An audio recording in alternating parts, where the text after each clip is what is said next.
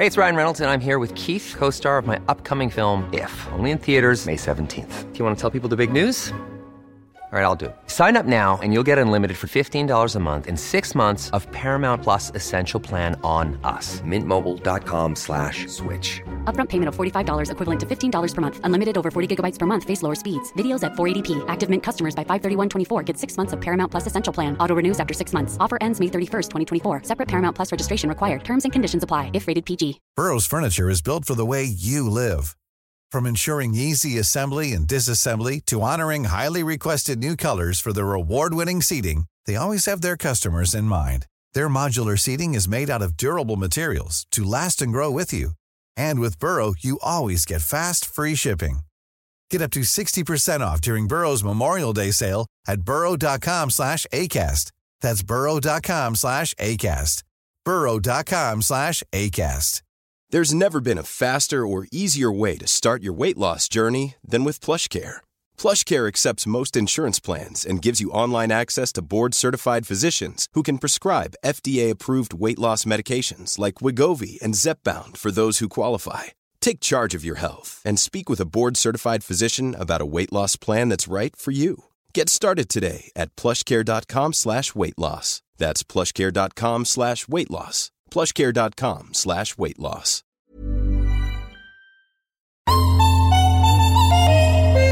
Och sen när du börjar prata om hur planeterna står. Alltså du är ingen astrogäri. Det är jag inte. Nej. För alla våra köksträdgårdsväxter som vi odlar så är det, de, de flesta vill ha någonstans mellan 6 och 7 i pH. Och i fittan ska man ha 5,5. Så som jag upplevde var att jag hann inte, jag orkade inte för att jag jobbade hela tiden. För att jag var tvungen att jobba hela tiden för att kunna ha råd med den livsstilen som jag hade. Som var att jag var tvungen att köpa en massa saker för att jag var olycklig i det livet som jag hade för att jag jobbade hela tiden. Alltså att odla kulturarvssorter och att ta egna fröer från liksom sin tomatplanta man har hemma. Det är typ det viktigaste vi kan göra.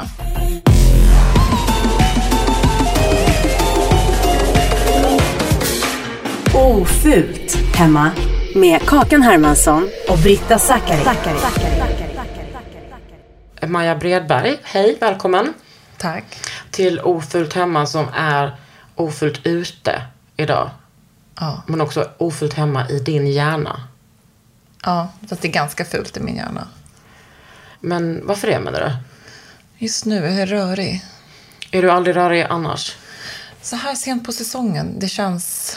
Det är liksom, man ska packa ihop trädgården och sen ska man också planera för nästa. Ja. Och så skriver jag bok. Och så är det... Och när du säger trädgården, vilken trädgård menar du då? Då menar jag en trädgård som jag odlar grönsaker och blommor i. I Bergianska trädgården i Stockholm. För du jobbar där? Där jobbar jag i år, ja. Aha. Men vadå, nu har jag ju sett att du är ute bland folk. Alltså att du är ute och, och gör trädgårdsarbete hos privatpersoner. Det gör jag också, lite grann. Men hur hinner du det då? Ja, eh, man gör en sak en dag och sen gör jag en annan sak en annan dag. Men är du liksom anställd av Bergianska? Nej, jag jobbar åt en restaurang där. Så jag odlar grönsaker till restaurangen och blommor. De har bröllop och wow. events och så. Och det är då ekologiska grönsaker? Det är det. Definitivt. Heter det någonting annat än ekologiska? Alltså jag är ju utbildad biodynamiskt. Så att eh, det odlar jag ju helst. Men där odlar vi ekologiskt. Och sen så är jag lite på Skilleby trädgård och det är en biodynamisk gård. Men är det också på Skilleby som du har utbildat dig? På Skillebyholm som är rakt över gatan. Ja. Men eh, jag har också lärt mig jättemycket hos Martin och Frida på Skilleby. Det kan jag tro. Där har man ju varit och rotat lite. Och traktor. Och traktor, herregud, som en sån min, min stora dag. Kakans stora dag. Men, först, alltså vad är biodynamisk? Biodynamiskt brukar ju ofta beskrivas som att det är liksom ett steg längre än ekologiskt. Men jag, jag vet inte om jag håller med om det. Man kan väl säga att det är en... en eh, det kommer från antroposofin från början. Det ska man vara tydlig med. Eh, Men det är en... Det oligger inte i Järna, Skillebyholm, Skilleby. Precis, ytterhjärna. Eh, och det, jag skulle säga att det handlar väldigt mycket om själva inställningen till naturen eller till liksom den bit mark som man odlar. Sen är det lite så att vi sår efter hur planeterna står och vi jobbar med lite olika... Nej, stoppa, stoppa, stoppa.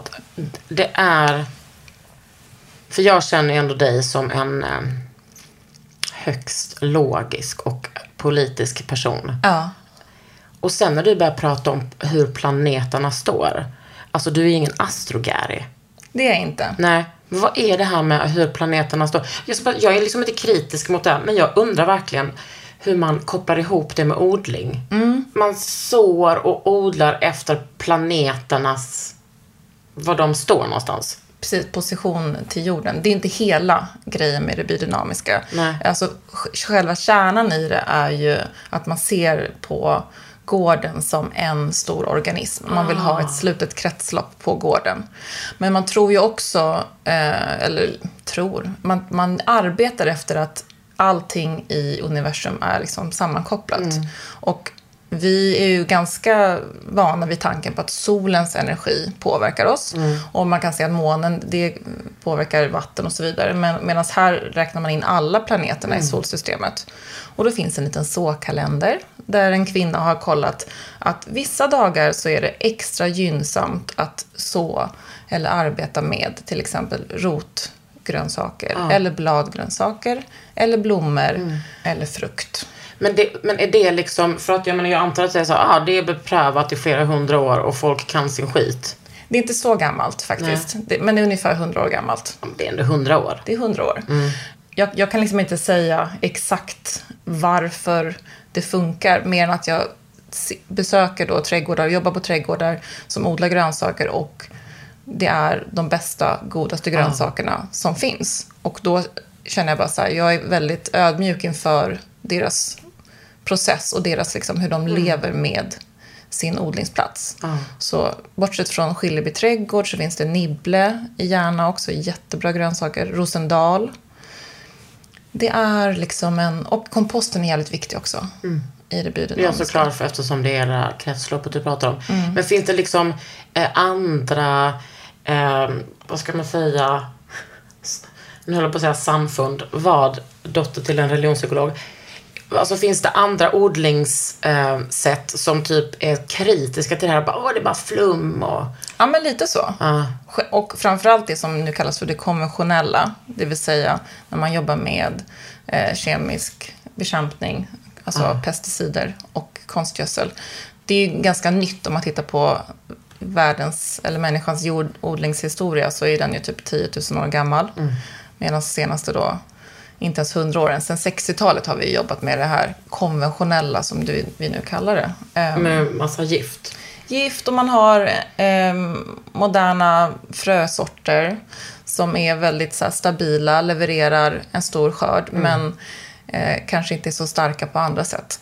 Alltså de är inte starka, de är inte anpassade efter liksom det här eh, odlingssystemet. Är, man brukar säga att de är, liksom, de är linjeodlare. De, är, de har blivit utarmade lite på sin växtgenetiska mångfald. För att annars så har ju växterna en stor, bred eh, eh, genetik i sig för att kunna klara av olika säsonger. Medan de här eh, nya moderna, till exempel spannmålssorterna, de levererar, de är väldigt unisona och stabila. Men kommer det en väldigt torr sommar, som 2018 här i Sverige, då kommer de ha svårt att klara sig för då de är likadana allihopa. Är det typ som att man, som man gör med hundar? Ja, alltså det här även liksom så som man jobbade fram de här fröerna i början på 1900-talet, det är ju kopplat ihop också med rasbiologin. Så är den synen som vi hade då på människor eh, lever kvar i hur vi ehm, tar fram moderna frösorter idag. Och det är därför det är så jävla viktigt att man odlar de här gamla kulturarvssorterna. Och det gör man i biodynamisk odling. Ehm, det är också så här, synen på typ människan på, i, på gården eller i trädgården. Ehm, mycket, jag har fått lära mig mycket saker som är lite svårt att kanske förklara, men så här, typ att se med mina händer. När jag skördar så har jag fått lära mig att jag behöver liksom inte titta på en planta för att känna var jag ska skörda den, kålen eller persiljan, för att jag vet hur det ska kännas i händerna. Ja, men du, man vet ju, eller så, här, när man följer dig på Instagram, du är mycket för så här, åh det här är så bra jord. Då kommer ni och hälsa på och du bara, åh gud det här är en så bra jord. Ja. Det, jag, alltså jag antar att det är som när jag håller på med min lera, att man, så här, känner, man har en tyst kunskap liksom. Verkligen. Muskel, ett muskelminne nästan. Eller ett uh, hudminne på något sätt. Ja. Men det, det är väl bara en, kapitalistisk strategi att utarma de här, den här genetiken för att maximera, eller? Ja, men precis. Det är ju marknaden som har satt eh, öns spesat önskelistan på vad man vill ha. Och då vill man ha en stor skörd. Men det som blir är ju eh, mycket liksom tomma kolhydrater och näringstätheten eh, minskar. Och det, men det måste också göra med till exempel så arbetsrätt på gården. Ja, Alltså hur, hur människor har kunnat jobba och inte jobba och eh, jobba för mycket och men om man jobbar med gift till exempel. verkligen. Alltså, det, det, det sker ju fortfarande i, i Sverige idag. Man tänker liksom att i Spanien eller i Italien så är det ganska mycket människor som utnyttjas. Framförallt migranter från eh, Västafrika eh, som kommer dit och jobbar för ingenting i princip. Och då eh, har ju de jävligt kassa arbetsrättsliga förhållanden. Men, men även i Sverige sker ju det. Eh, jag tror att det var Arbetet som gjorde ett gräv i våras på skånska gårdar där eh, också eh, typ flyktingar från Ukraina och andra länder utnyttjas och använder bes, liksom besprutar gurkor som sen säljs i våra mataffärer utan skyddsutrustning. Och eh, alltså kunden får inte veta heller att, eh, hur det går till. Nej, alltså det där tycker jag är så jävla svårt för att det känns som att så många kunder eller liksom vanliga människor, när man går in i affären så reflekterar man inte över var kommer de här liksom, grönsakerna ifrån? Vem har odlat dem? Och Vem, kanske inte heller har råd att köpa det. Nej, för att hela, hela matsystemet är ju väldigt eh, snedvridet. Det är ju aldrig primärproducenterna som tjänar de stora pengarna, men det är någon som gör det. Det är inte du, Maja Bredberg. Det är inte jag. Men jag tänker, eh, när man först för hundra år sedan eh, gjorde den här förändringen för att liksom maximera fröna och allting. Det måste ju varit för att eh, Alltså det kan ju också ha kommit från en tid av desperation. Absolut. Så det finns en jättespännande bok. Eh, nu kommer jag fan inte ihåg Man vet också när du säger att det finns en jättespännande bok, då vet man Ja, alltså den kanske du tycker är spännande men du ser inte mig läsa den. Men jag, är, jag har stor, stor respekt för dina intressen. det finns en jättespännande bok, okej? Ja, men den handlar, den heter, jo nu vet jag vad den heter. Ja. Den heter Den stora fröstölden. Ja men såklart. Och den handlar om ett gäng botaniker på slutet på 1800-talet, början på 1900-talet. Eh, Det blev ju som en, liksom en, en kapprustning i att åka runt över världen och samla in fröer från eh, liksom växter som vi inte hade odlade i Europa just då. Så att Nikolaj Vavilov var en, den största i Sovjet just då som eh, eh, samlade in Alltså jag vet inte hur många tusentals fröer från liksom Mokti till Tibet till liksom Kazakstan, olika delar i världen, Sydamerika. Just för att kunna få in den här växtgenetiska mångfalden och utifrån det kunna korsa fram nya sorter för att folk svälter. Ja, precis. Men har det också knasat upp vårt biosystem? Kanske inte ett ord som finns, men... Eh, nej, men, ja, precis. Nej, men in, inte, på, inte på den tiden hur man gjorde då. Sen så blev det där inkopplat med första och andra världskriget. Det var ju superstökigt. De här, Minst sagt att det var superstökigt. det här växtmaterialet var en del av det Ah. som eh, alltså blivit krigsbyte. Ah. Ja. Ångra mig. Det är en jätteintressant bok. Alltså det är, den är superspännande. det är ju verkligen en sån historisk... Och, och att de, eh, Nazityskland rör sig in i Sovjet, belägrar en stad, och nu kommer jag inte ihåg exakt vilken det var, en stor stad, och där sitter de på hans forskningslabb och bara, du vet, det finns någon som är ansvarig för ärtorna, det finns någon som är ansvarig för vetet, och de här människorna har barrikaderat sig Att inne. du får mig att få gåshud nu. Det... De sitter där. Människor hungrar utanför. För, för Nazityskland liksom, har bara lagt en ring runt hela, en järnring runt staden. Och de kan inte äta av säden som finns där. För det här måste liksom leva kvar till, till eftervärlden. Och så de liksom svälter ihjäl för att skydda de här fröerna där inne. Så det är typ en antifascistisk handling att eh, stötta det här systemet? Absolut. Alltså att odla kulturarvssorter och att ta egna fröer från liksom sin tomatplanta man har hemma, det är, det är typ det viktigaste vi kan göra. Och det här fattar inte jag förrän Nej. nyss. Men vad fan hände med dig? Alltså jag känner det för att vi... Eller jag tänkte på det igår. Hur fan känner vi varandra? Men det är väl... Jag kommer liksom inte ihåg när jag inte kände dig. Jag har bott här i 20 år. Men så länge har vi inte känt Men jag tänker att vi kanske kände varandra från rap. Alltså någon sån rap, alltså quote eller jag vet inte, någonting. Du var ju lika intresserad som du var intresserad, som du är av frö var du av rap innan. Det är sant. Och kanske lite fortfarande. Fortfarande. Ja. Men eh, du jobbade liksom ändå på, så, på byrå. Mm. Och hade liksom så här seriösa kläder. Väldigt. Ja. Kämpade på. Ja. Eh, hade en karriär. ja. hade en ska, lön. Ja, precis. Ska också sägas att du kommer inte från den, eh, den klassbakgrunden. Det gör jag inte. Nej. Nej.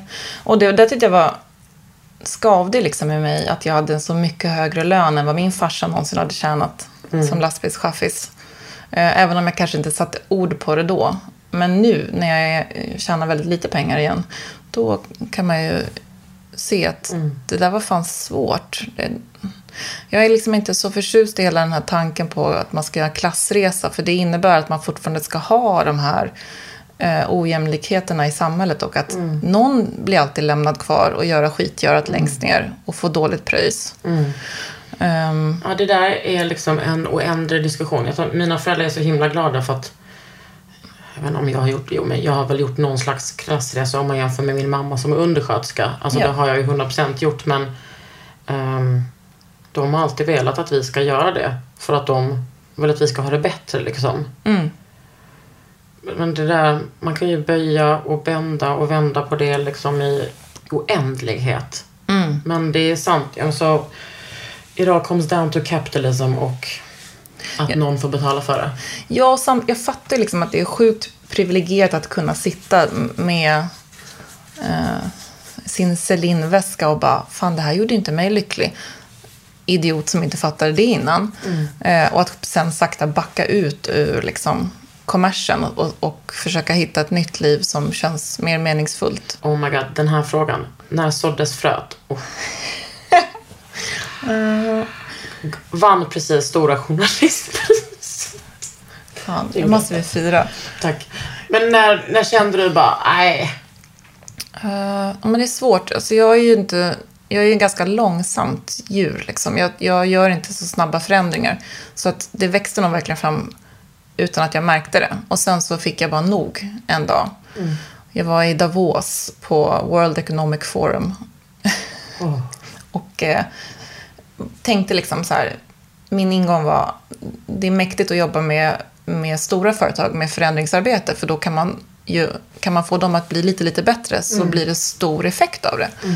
Och sen stod jag där och då kände jag bara att, nej jag tror fan inte på det här storskaliga längre. Men hade du liksom varit tvungen att övertala dig själv om det för att eh, vara i den branschen? Jag hade, jag hade liksom skrivit ganska mycket texter ju tidigare om samhälle och kultur och kände mig som att jag bara gnällde och tänkte men då, om jag är med och jobbar med liksom företagen innan det blir slutprodukten som jag gnäller om här i någon till krönika så kanske liksom det är inte så jävla givande heller att bara vara den som skriver Jag bara, vad, vad säger du? jo tack. Ja men det är också, du tror inte man kan göra både och eller?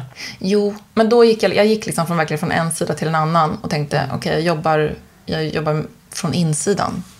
Tror inte på den skiten alltså. Nej. Nej. Men hade du köpt din, eh, liksom ditt hus då, eller din stuga på landet? Ja, den köpte jag ju för reklampengar. Ja. Det hade jag inte kunnat gjort om jag inte... Nej, men säg med mitt hus. Ja. Det är mina liksom samarbetspengar som jag tackar Gud för dagligen. Den kapitalistiska alltså. Ja, Men ha- hade du, och där började du odla? precis. Fast jag började först typ måla och greja för jag var lite rädd för odlingen. För jag tänkte så här, jag har inte gröna fingrar, jag kan inte. Och sen så, Men vad hade du för relation till odling då? bara att jag gillade att äta mat. Eh, alltså jag, jag var liksom så här, jag kunde se, jag kunde känna igen vad som var en ek och vad som var en björk. Men jag kunde liksom inte så skilja oxel från rönn eller hade inte koll på olika sorter Nej. av växter. Uh, var inte så jävla intresserad av blommor generellt. Utan mm, liksom, det är väl kul om de står där. ja, det är det. Min farsa var alltid så här, när vi var ute och gick när jag var liten med honom i skogen, att eller längs stigar att så här, plocka inte den där blomman för då får inte nästa person som kommer förbi se den. Så det var lite min, Riktigt så solidariskt tänk.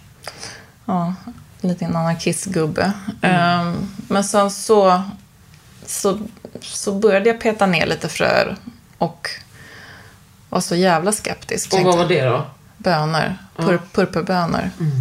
Tänkte det här kommer inte bli något, jag kan inte. Varför tänkte du så? Men för att alla mina växter hemma hade dött, jag hade försökt. Men du liksom- jobbade hela tiden, du hade väl inte tid att vattna dem? Nej, och, och det är det, det där som är grejen. Jag tycker det är svårt att ha växter inne. Jag vet inte om jag tror på det. Eh, Det är som djur i bur. lite så.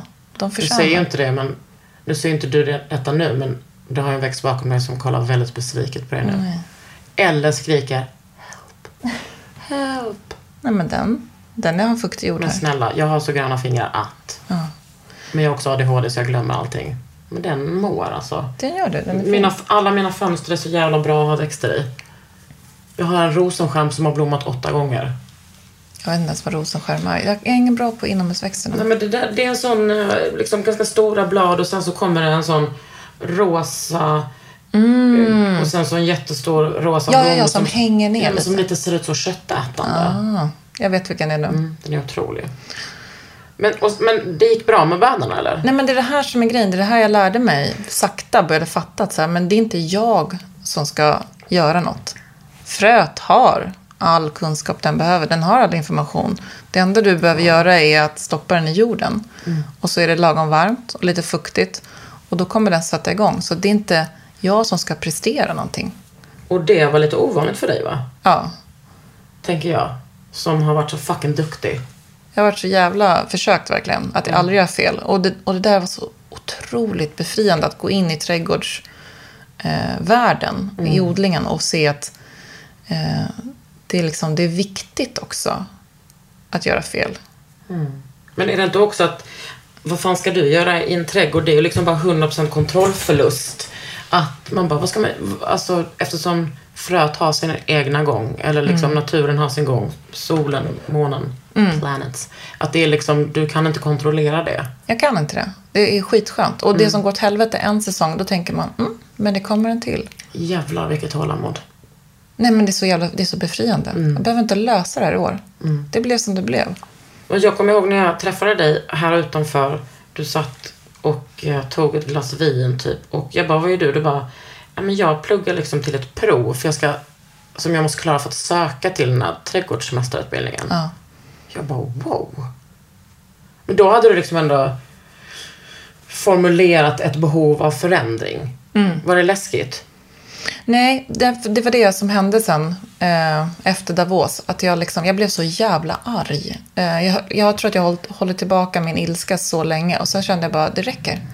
Jag, och så lät jag den ilskan leda mig bort från ja, stan, bort från branschen.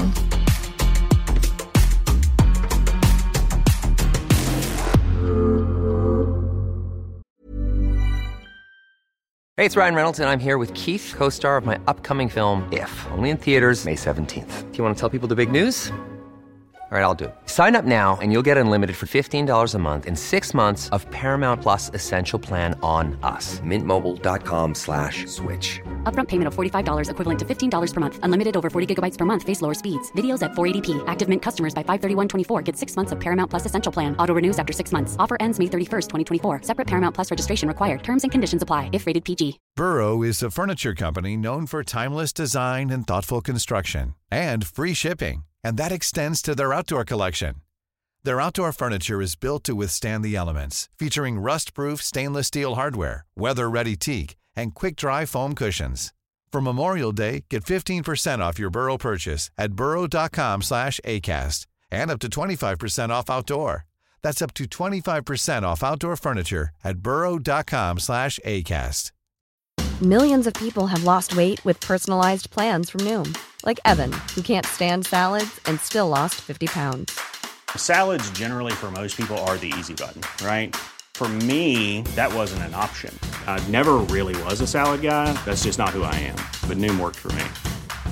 Get your personalized plan today at Noom.com. Real Noom user compensated to provide their story. In four weeks, the typical Noom user can expect to lose one to two pounds per week. Individual results may vary. Men hur lång tid tog det innan du bara... Innan du tänkte att jag, ja det är det här jag kan plugga, det är så här jag kan leva. Och våga säga upp sig och liksom byta, alltså du vet, byta inkomst och liv. Ja, jag är inte så bra på att tänka så långt. Eh, Så att för mig var det bara, jag, jag pallar inte en sekund till. Sa du upp dig då? Nej, jag, jag, tog, jag, jag, jag tog en veckas semester, pluggade in hela den här kursen eh, Dålig hjärna. Och tentade en, och lämnade in en dag innan sista ansökningsdagen tog slut.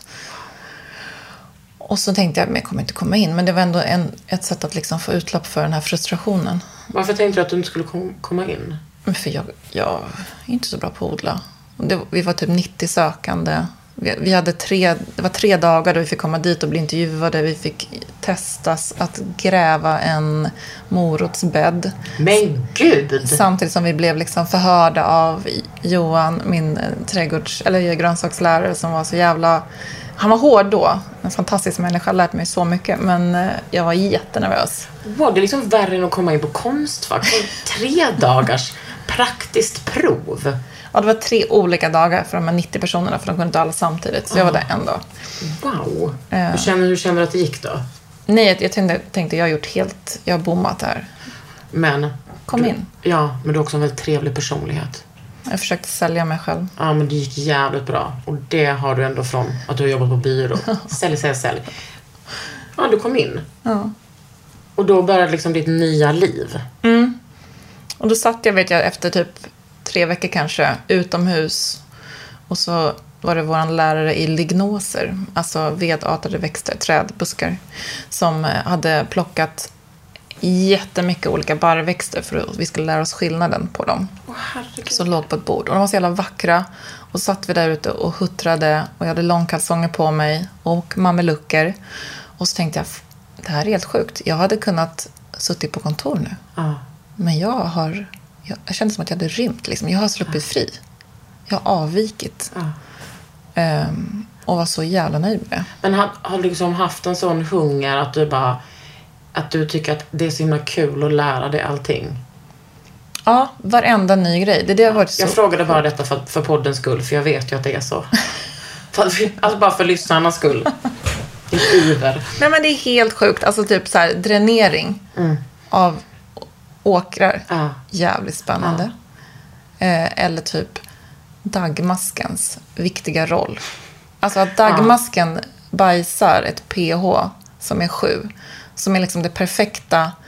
För alla våra köksträdgårdsväxter som vi odlar så är det, de, de flesta vill ha någonstans mellan 6 och 7 i pH.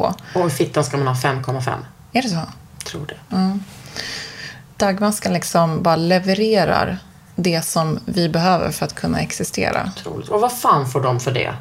Ja. I och för sig ganska mycket god jord och sånt kanske. Ja, och det är det som är grejen. Vi måste liksom ge tillbaka.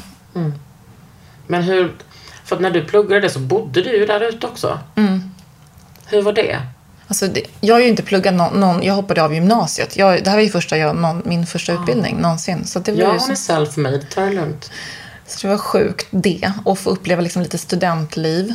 Eh, jag är inte riktigt, jag är inte hippie alls. Så det var, det, var- jag Men alltså kände- Maja, alltså låg ribba, studentliv. Alltså studentliv är typ så, man pluggar en kurs på universitetet, man är ute och super och träffar, alltså det är inte det studentlivet du har levt. Nej, det är ju det är hjärnan Ja, där precis. det mer är liksom folk som... Eh, åh, det är mycket vita dreads, är det. Det är mycket folk som eh, har spännande växter som man kanske äter eller spännande blandningar. Mycket yogis. Eh, jättemysiga människor, men det var nytt för mig. Men är det också, finns det liksom en kategori i, på sådana här utbildningar och around the world som har lite gjort samma resa som du? Som är Ja. bara, så jag är så jävla fed up av kapitalismen och att jag har varit där och nu kräks jag på det. Det, ja, men det är ganska många. Och även nu när jag liksom haft praktikanter från andra utbildningar som har jobbat med mig i trädgården den här sommaren. Så det är en klassisk sån typ, jag har jobbat 20 år, jag blev utbränd eller jag känner mig vilsen eller jag har en livskris och så känner man att man, vill liksom, man mår bra i naturen och då eh, så söker man sig dit. Man vill liksom byta liv lite, byta riktning i alla fall. Och så här, det är inte så konstigt. Så det finns en bakterie i jorden som när vi får i oss den, när vi påtar i jorden, så ändrar den så att vi får en högre serotoninhalt. Så att så här, att gå tillbaka till, alltså bara typ lukta på en timjanbuske eller lavendel, alltså allt det här har ju effekter som påverkar oss. Att titta på en blomma. Alltså också återigen mina kliniska studier, men att så här, det finns bevisat forskning som, som om vi skulle behöva det, men tydligen gör vi det. Som Ja, vi- visar. Eftersom folk är faktaresistenta. Men Det är de. är det, du bodde där ute? Mm. Alltså del, lite då och då, inte heltid, eller hur? Nej men precis, jag har ju barn och Precis. familj att ta hand om. Men hur var det liksom att, ehm, att gå så hårt in på den här nya kärleken? Så jag kunde inte nästan reflektera över det. Det var bara, det kändes som att det var lite allt eller inget. inget man sögs in i det. Skulle, eller jag sögs Kanske in måste vara så också om man ska ta det till sig. Ja, alltså jag, jag tänker ju att det här är en del av att vara människa. Och att så länge man bara exponeras för det, jag hade inte gjort det tidigare, men när man väl exponeras för det så är det liksom, du vet, det här är i oss. Det är ju vår överlevnad att, att bry sig om, om jorden och om allt som kommer ur den. Ja, Gör vi men du inte vet, det? jag skulle inte fastna på det där. Alltså jag tycker inte att det är... Alltså jag bryr mig om jorden men du ser inte mig hålla på där och ändra mitt liv så.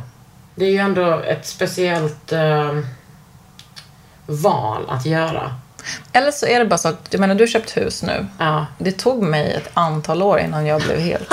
Du kanske är på väg. Du bara vet inte nej, om nej, nej, det. men jag är jätteglad att du gör det här och det är liksom så fantastiskt att följa din resa. Och jag kan typ vara avundsjuk, inte missunnsam, men så avundsjuk för att det är så här, fan vad fint att du har hittat det och du är så, det är ju som att du är nykär. Eller typ konverterat, eller om det har du ju typ gjort. Ja, det har jag verkligen gjort. Ja. För nu kan ju inte du gå tillbaks till något liksom byråjobb. Nej. Nej, nej. Alltså jag, jag sätter mig mycket hellre i kassan på ICA än att jobba på kontor Mm. hela livet. Är det, alltså det, för det känns ju som att dels är väldigt intellektuellt och sinnligt men också att det är en, eko, en ekologisk, en ideologisk grej för dig det här. Ja. Trodde du att det skulle vara så ideologiskt när du, alltså som det blev? Nej, jag, jag var inte beredd på någonting mer än att säga jag visste att jag ville bort och att jag ville eh, må bra typ varje dag. Alltså jag, jag hade suttit i för många möten och liksom typ bara hållit tillbaka. Du vet kroppens... Det känns som att så här, vi har ju naturen i oss och sitter man i möte från morgon till kväll och så får man springa och kissa i pauserna och hoppas att inte magen kurrar när man har lunchmöten. Och bara så här, man, man sliter ut sig på ett sätt som blir så... För mig var det så jävla menlöst. Och jag visste bara att jag behövde bort ifrån det. Sen att det här blev en... eh, Ju mer jag lär mig, desto mer blir jag så här, men det är ju helt galet. Hur, hur kan vi ha ett samhälle som ser ut så här? Varför får inte alla se träd varje dag och vara i naturen? För att så här, vi behöver ju det för att bara funka som, som människor. Ja. Men där kommer ju också, alltså jag vet också att du är medveten om det, men själva klassperspektivet i att du vet så kunna, jag köper ju alltid ekologiskt. Nu har jag så fruktansvärt ont om pengar att jag försöker att inte tumma på det, men det är verkligen det som om man har en lön i ett hushåll och det, ja, ingen har tvingat mig att köpa ett hus, men att det är hur fan ska man ha råd och hur ska man ha tillgång till den här kunskapen? Ja, men det, det är ju verkligen en fråga som vi måste lösa för samhället. För att just nu så har vi ju helt släppt på allting och låtit det dra iväg åt ett håll där vi har liksom ja, kassafröer som odlas i kassa, på kassasätt med i kassaodlingssystem och som sen liksom ultraprocessas till produkter som är blir dåliga för oss att käka. Det är, liksom, det är fel i alla led. Eh, och jag, jag, jag kämpar verkligen med att förstå var, var ska jag odla framåt. För att jag vill inte bara odla till de allra mest privilegierade personerna. Utan det här måste vara tillgängligt för alla. Och jag tänker att det är ju liksom typ dags för en ny jordbruksreform. Där man faktiskt tar det ansvaret också utifrån ett globalt perspektiv. För att med klimatförändringarna, alltså vi, vi eh, litar helt på att Spanien ska kunna leverera eh, den stora mängd av grönsaker som vi importerar från Spanien. Men Är det de som är störst? det är en av de största. Eh, Almeria framför allt. Och sen så har vi ganska mycket från Holland också. Och då är det hydroponisk odling. Och det är ju är det? när det odlas i vatten. Eller i stenull, alltså isolering som man har i väggarna. Stenull? Vad fan är det? Ja, bara så här, liksom, som, tänk dig sån isolering. Så, Ja. så sitter de, sätter de ner växterna i det. Men vad är det för material? Är det liksom ett syntetiskt... Ja, det, jag, jag antar att det, att det spinns av det är så tunna, tunna trådar. Det är jätteresurskrävande att skapa. Men sen är ju allting annat också bara plast. Och du behöver ha liksom, speciella lampor och du har, allting är syntetiskt, rakt igenom. Eh, vilket jag inte tycker känns hållbart för fem öre. Och det, ja det är ju inte det heller. Men eh, det jag menar är att Medelhavet framför allt, där man ändå odlar ganska mycket i marken, i jorden och också har solen liksom som hjälp.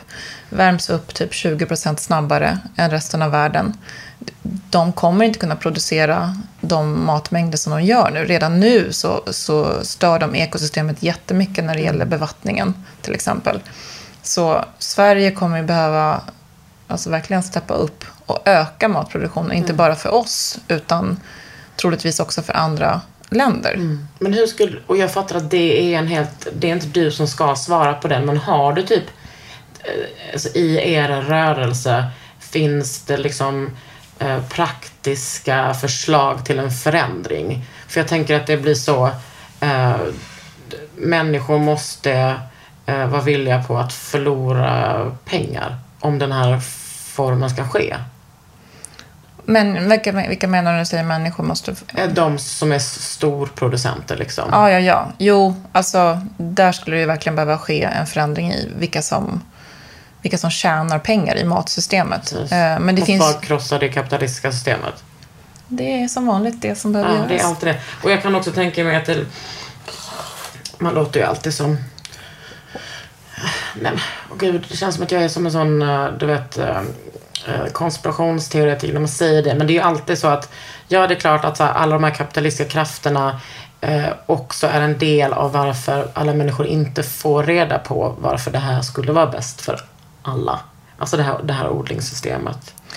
Ja, Och vi tar det bara för givet att eh, det finns mat i affärerna. Och precis. då kanske orkar. Och det ser man ju redan hur det har svajat. Till exempel i Storbritannien hade de ju tomma grönsakshyllor i början av året på grund av extremväder i, i Spanien.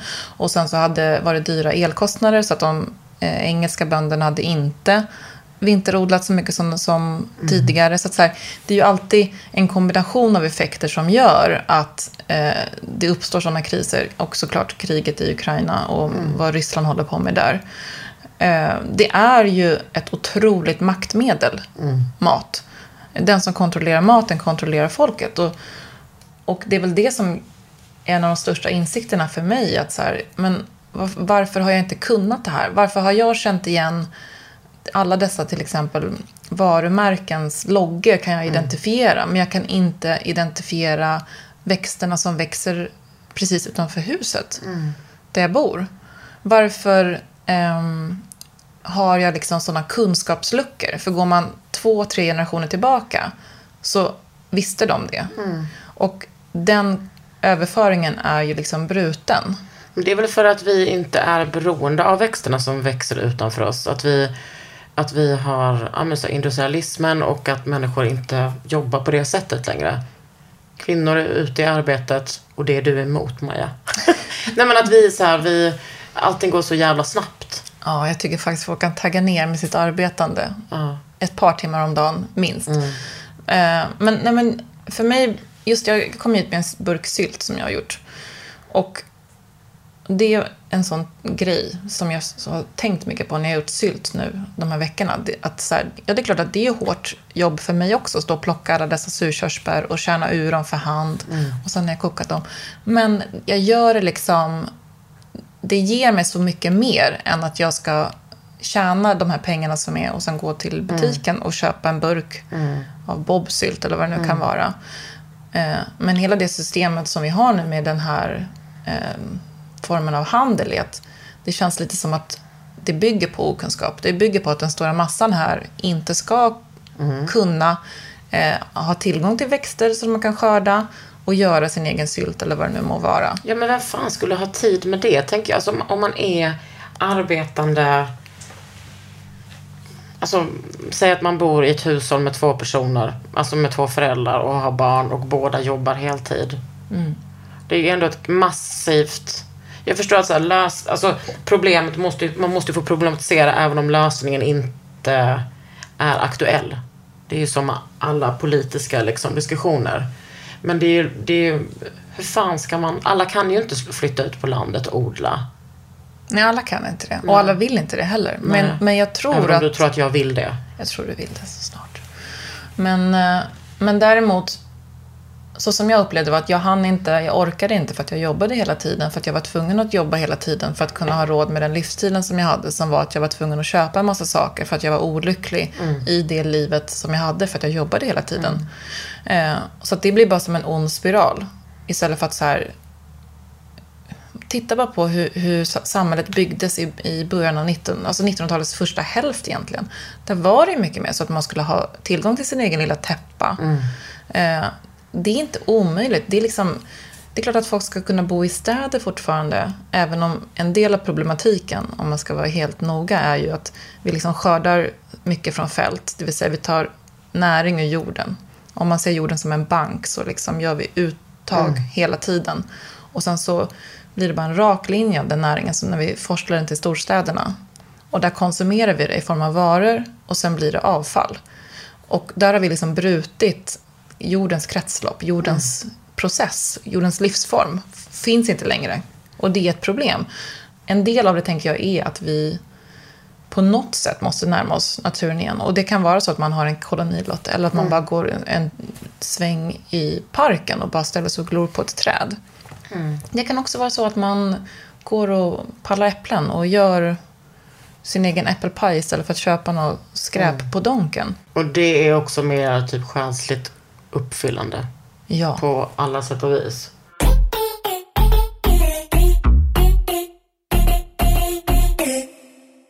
Och det tänker jag att du också vet liksom, känslan av när man skapar någonting med sina händer. Mm. Alltså, vare sig det är sylt eller man kanske har tält en liten smörkniv. Jag försöker ju lära mig mm. bli bättre på att tälja också. Att det besjälas på ett annat sätt mm. när det är någon som har gjort någonting. Ja, och det är också jag tänker också med odling att det är liksom så långt. Det är en sån lång process. Och att det blir som en intellektuell resa. Typ. Alltså jag älskar ju det med, jag som också är sådär eh, teoretisk av mig i sättet att eh, men, tänka kring politik och makt. Att när jag lärde känna keramiken och leran så var det som att jag bara, jag känner mig som en hippie. För jag kan inte förklara hur bra jag mår mm. av att det som jag har i hjärnan kommer ut i mina händer. Jag bara, gud, jag kan inte för... Jag blir helt lugn och min mamma var så här, gud, jag har aldrig sett dig så här. Och jag bara, usch, vad fan är det här? Något uh, som jag inte kan liksom teoretisera eller intellektualisera. Men det kan jag ju nu. Det, jag förstår verkligen. Och det är, jag tror det är ju någonting som kapitalismen har liksom tagit bort från oss för länge, länge, länge, länge sedan. Självkänslan i att skapa egna saker. Det är väl därför så många kvinnor älskar typ hålla på i trädgården eller um, vet, laga mat på sånt överintresserat sätt eller mm. um, att man drar sig, eller skulpterar sin kropp genom träning eller känna sig stark. Och typ hantverk generellt, tänker jag. Ja, hantverk är ju livet alltså. Men jag hade också såna, så mycket konstiga liksom, föreställningar om trädgård. Att, och också typ tanter som håller på med sina pelargoner och Är det så fel, Maja? Det är ju inte det. Men alltså jag börjar se den, den, den typen av trädgårdar tänker jag att det är lite som ett fort. Ja. Alltså, fatta en 70-årig tant som bara, det här är mitt ställe. Ja. Mm. Ni, här rår jag. Och jag har mina rosenbuskar som ett skydd för mitt lilla, min lilla oas. Ja, men jag tänker att det är ganska likt så det som jag har gjort mycket konst om, om synsättet på typ kvinnoseparatistiska rum.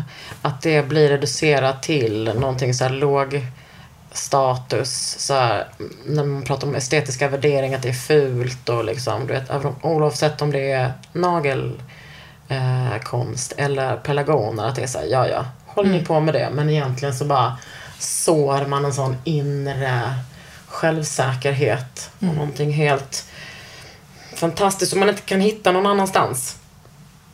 Nej, man kan inte köpa det. Nej. Och det, alltså jag menar, ni behöver inte mejla in och säga ja, det är så privilegierat, för vi vet det. Man måste ju få prata om det här ändå. Ja, och sen finns det också, tänker jag, framförallt nu när jag skriver den här boken, att det är jättemånga som bor i en miljö där man har ett, man kanske är uppvuxen på bondgård och tycker att så här, det här är självklarheter, Maja. Ja, men Hur kan är- du inte veta det här? Nej. Den verkligheten finns ju också. Ja.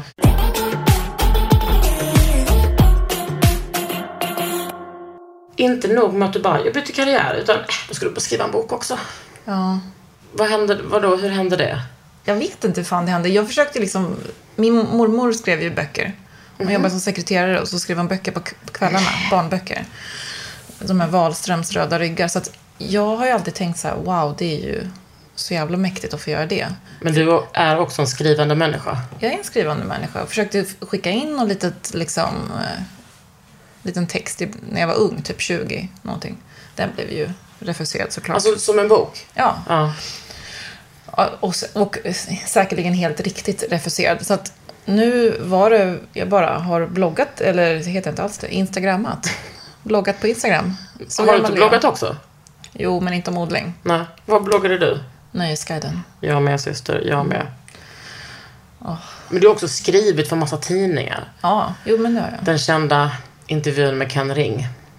Är den från DN? Ja, det var också Nöjesguiden. Otrolig. Åkte till London och intervjuade Usher, det var också väldigt mysigt. Legend. Han tyckte att jag luktade gott. Det gör du. Nog om dig. Nu vill jag bara höra om din bok. Boken är... Men nej, jag vill veta, hur, hur gick det till? Ja, men det var- Människor måste få veta det, Maja. Jag bara liksom har skrivit lite poster på Instagram om det här. Inte få. Du har skrivit så många. Med så liten Jag text. vet att det är minimal text. Alla Ja. säger det. Herregud. Men det är Ja. åldersfascism. Jag vet. Du jag kanske ska- gillar det. det, det, det. Nu dyker det upp att det är liksom det som är din ideologi. Antifascism och åldersfascism. Jag ska bättra mig. Mm. Men då var det tre förlag som hörde av sig eh, i lite under sam- i höstas. Du bara, det bara hände. Ja. Och så träffade jag dem och pratade lite och så har jag nu valt att göra första boken i alla fall. På. Eh, på Volante. Blir förhoppningsvis fler böcker. Ja. Det är Men vad är det för bok då? Kan du säga det? Nej, men boken handlar väl lite om det som vi snackar om idag. Alltså, jag, jag tycker att folk, eh, fler, vi borde ha ett, i samhället som stort ett samtal om vad är det vi gör med vårt enda liv. Ska vi sitta inne på kontor och vi har en sån otroligt hög produktivitet i samhället. Vi måste liksom få bli fria också i det. Eh, och, och det menar inte jag liksom bara till eh, tjänstemannasektorn, utan jag menar att alla måste liksom få, framför allt om man jobbar med kroppen. Eh, det kan inte vara så att man ska bara vara sitt jobb Nej. hela livet. Och sen så när man har jobbat klart så, så har man tio år kvar om man är, har tur. Och sen ska man dö. Jag är jätteinspirerad av dig. Hur du, eh, liksom, att sättet du är kritisk på, sättet du formulerar din kritik, du gör det väldigt oskuldbeläggande. För jag tänker ju, ja, alltså det här, eh, det är inte som att man hade kunnat säga så till min mamma eller, eller din pappa, bara, nej, tänk nu på ditt liv. Alltså det är så här, till arbetarklassen, men jag tänker att den, de här, eller ja, den här boken riktar sig väl till alla att man, jag blir inspirerad av det i alla fall. Att eh, tänka själv. Alltså Ja. det gör jag väl alltid, men att, att verkligen Men att synas sig själv kanske lite i sömmarna och se vad, är det här, vad i det här måste jag göra och vad vill jag göra? Och ehm, om jag fick liksom tänka ut ett helt annat liv, hur skulle det se ut? För min del. Så skulle, alltså om jag får verkligen önska så Men skulle... vågar du vara personlig i den boken? Eller vill du att det ska vara lite mer så här Jo, men, allmängiltigt? ja, men ganska personlig, fast jag vill inte sådär så att folk... Det handlar inte om mig, mig. Men din resa är väl ändå med? Den är med. Det är bra. Eh, Men jag tänker att alla som har suttit och liksom varit kissnödig på ett möte och inte velat resa sig upp för man vill inte störa den som pratar kommer känna igen sig. Eller kanske om man jobbar långa pass och inte kan gå ifrån i butiken som jag också har gjort. Liksom. Eh, Eller någon som bara känner kanske att det skaver. Det är något som skaver men man, man vet inte vad. Och så tänker man att det är en själv det är fel på. För alla andra verkar ju köra på. Um, Men, men jag skulle vilja, får jag drömma liksom, så skulle jag odla på en plats som är tillgänglig för många och där också många människor, framförallt om man inte är privilegierad att ha en trädgård, kan komma och hänga eh, och jobba. Och liksom, Jag tror ju väldigt mycket på att kroppsarbeta tillsammans. Det är en stark känsla i det. Ja, det är det verkligen. Och också att man märker att man är beroende av varann på ett sånt fysiskt sätt. För det är vi ju inte... Det, det upplever vi ju inte lika mycket nu. Nej, Förutom jag varje lunch när jag tränar jutsu. Men att, man, att det inte... Det är liksom... Vi har ju inte det samhället längre. Nej, och också så här när du typ jobbar på framförallt ett stort fält så, och man hjälps åt tillsammans så är det verkligen att alla hjälper till liksom, utifrån sina förutsättningar. Eh, och det är också en fet känsla att så här, man behöver inte vara eh, precis som idealet säger, vad man nu är för liksom, kvinna, man eller whatever. Utan att man, man alla hugger i så gott man kan. Jag älskar det. det hur, hur har du förändrat ditt liv förutom att du har förändrat ditt liv um, sådär? Med jobb och Eh, boende? men- maten var nog det första, liksom, som, du, som också som du pratade om. Att jag käkar bara ekologiskt. Alltså, jag, jag eh, försöker att undvika konflikter hemma, men jag, jag blir jätteupprörd eh, om vi köper grejer, eller inte jag, men om det köps hem grejer som inte är ekologiska. Just för att jag, jag har kommit till den punkten där jag känner så här, jag, jag har inte rätt eh, att Hoppa över det. Nej. Mm. Alltså liksom, jag vet att det blir sådana effekter på eh, framförallt miljö, men också på eh, folk som jobbar på fält. Jag känner inte att jag har den rätten. Men jag blir vansinnig på, på, på rika människor eh, som inte köper ekologiskt. Alltså vansinnig. Eller människor som har liksom en bra lön. Alltså vad är det med människor? Ja, Men, eller som typ så här, det spelar väl ingen roll. Alltså, varför vill man ge sina barn det? det är så, sen, jag, sen jag fick eh, min son, har jag, har, då har jag varit extra noga med det. Liksom. Ja. Också att, att jag käkar jävligt mycket eh, i säsong. Eller det försöker jag göra det hela tiden. Men så att nu är liksom, snart är tomatsäsongen över i Sverige. Och då blir det inga färska tomater hos oss fram tills nästa juni. Då tomaterna kommer igen. Kan inte du ge... Jag skulle också vilja äta lite mer så. Eh, liksom säsongsbetonat så att man inte håller på och sliter eh, på systemet. Men vad- hur ska man lära sig om det? Alltså kan du inte bara ge några tips? Vad, är, vad, vad stundar nu? Kålen och betorna? Och- Precis. Ja, nu går vi in liksom i den här härliga säsongen med rovor och kål. Och jag älskar ju att syra. Det, var, det är också någonting som jag är ny, jag är så färsking på det mesta av det här. Men att syra grönsaker är ju ett Helvete vad du har syrat. Ja, allt syrar jag. Kan du inte lära mig lite sånt? Jo. Kan vi inte ha en syrakväll? Det ska vi ha. Dricker du vin eller? Dricker så mycket vin. Du vet ju att jag gillar allt som bakterierna gör. Och vet du vad, då bjuder vi hit Dennis och får han laga mat. Åh, perfekt. Och bara säger det. Du får komma hit och laga mat. Han det- kommer inte tacka nej. Nej. Vad syrar man då? Allt möjligt eller? Ja, den här veckan har jag syrat kålrot och min morsa odlade en jättestor eh, blomkål har jag syrat. Men jag syrar, fan jag skulle ha tagit med mig lite burkar. Eh, moro, Vi bor grannar Maja. Jag går över snart. Men eh, morotstavar gillar jag. Eh, bara olika riva ner liksom. Ja. Skiva kål. Och så äter du det i tid och otid. Jag äter det varje dag. Mm. Jag äter det till frukost.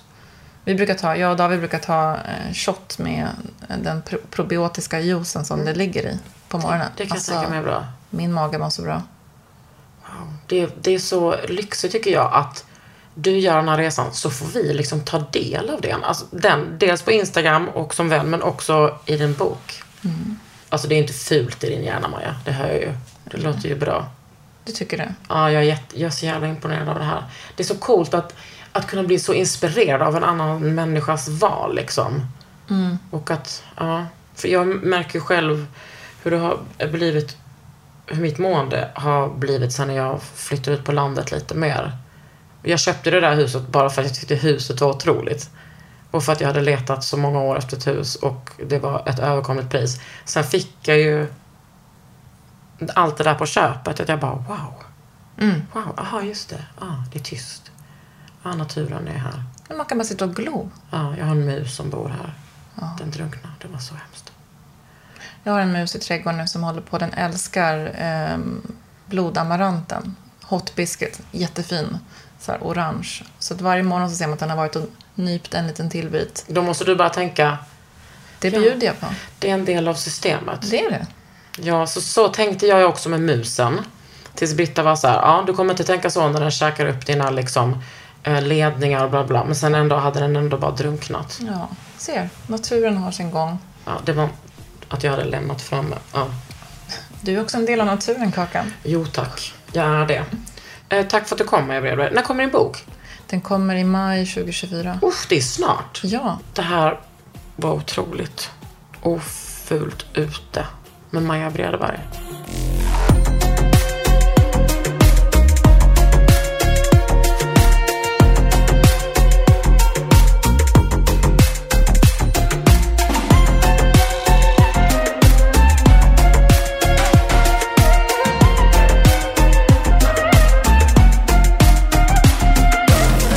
En podd från Allermedia.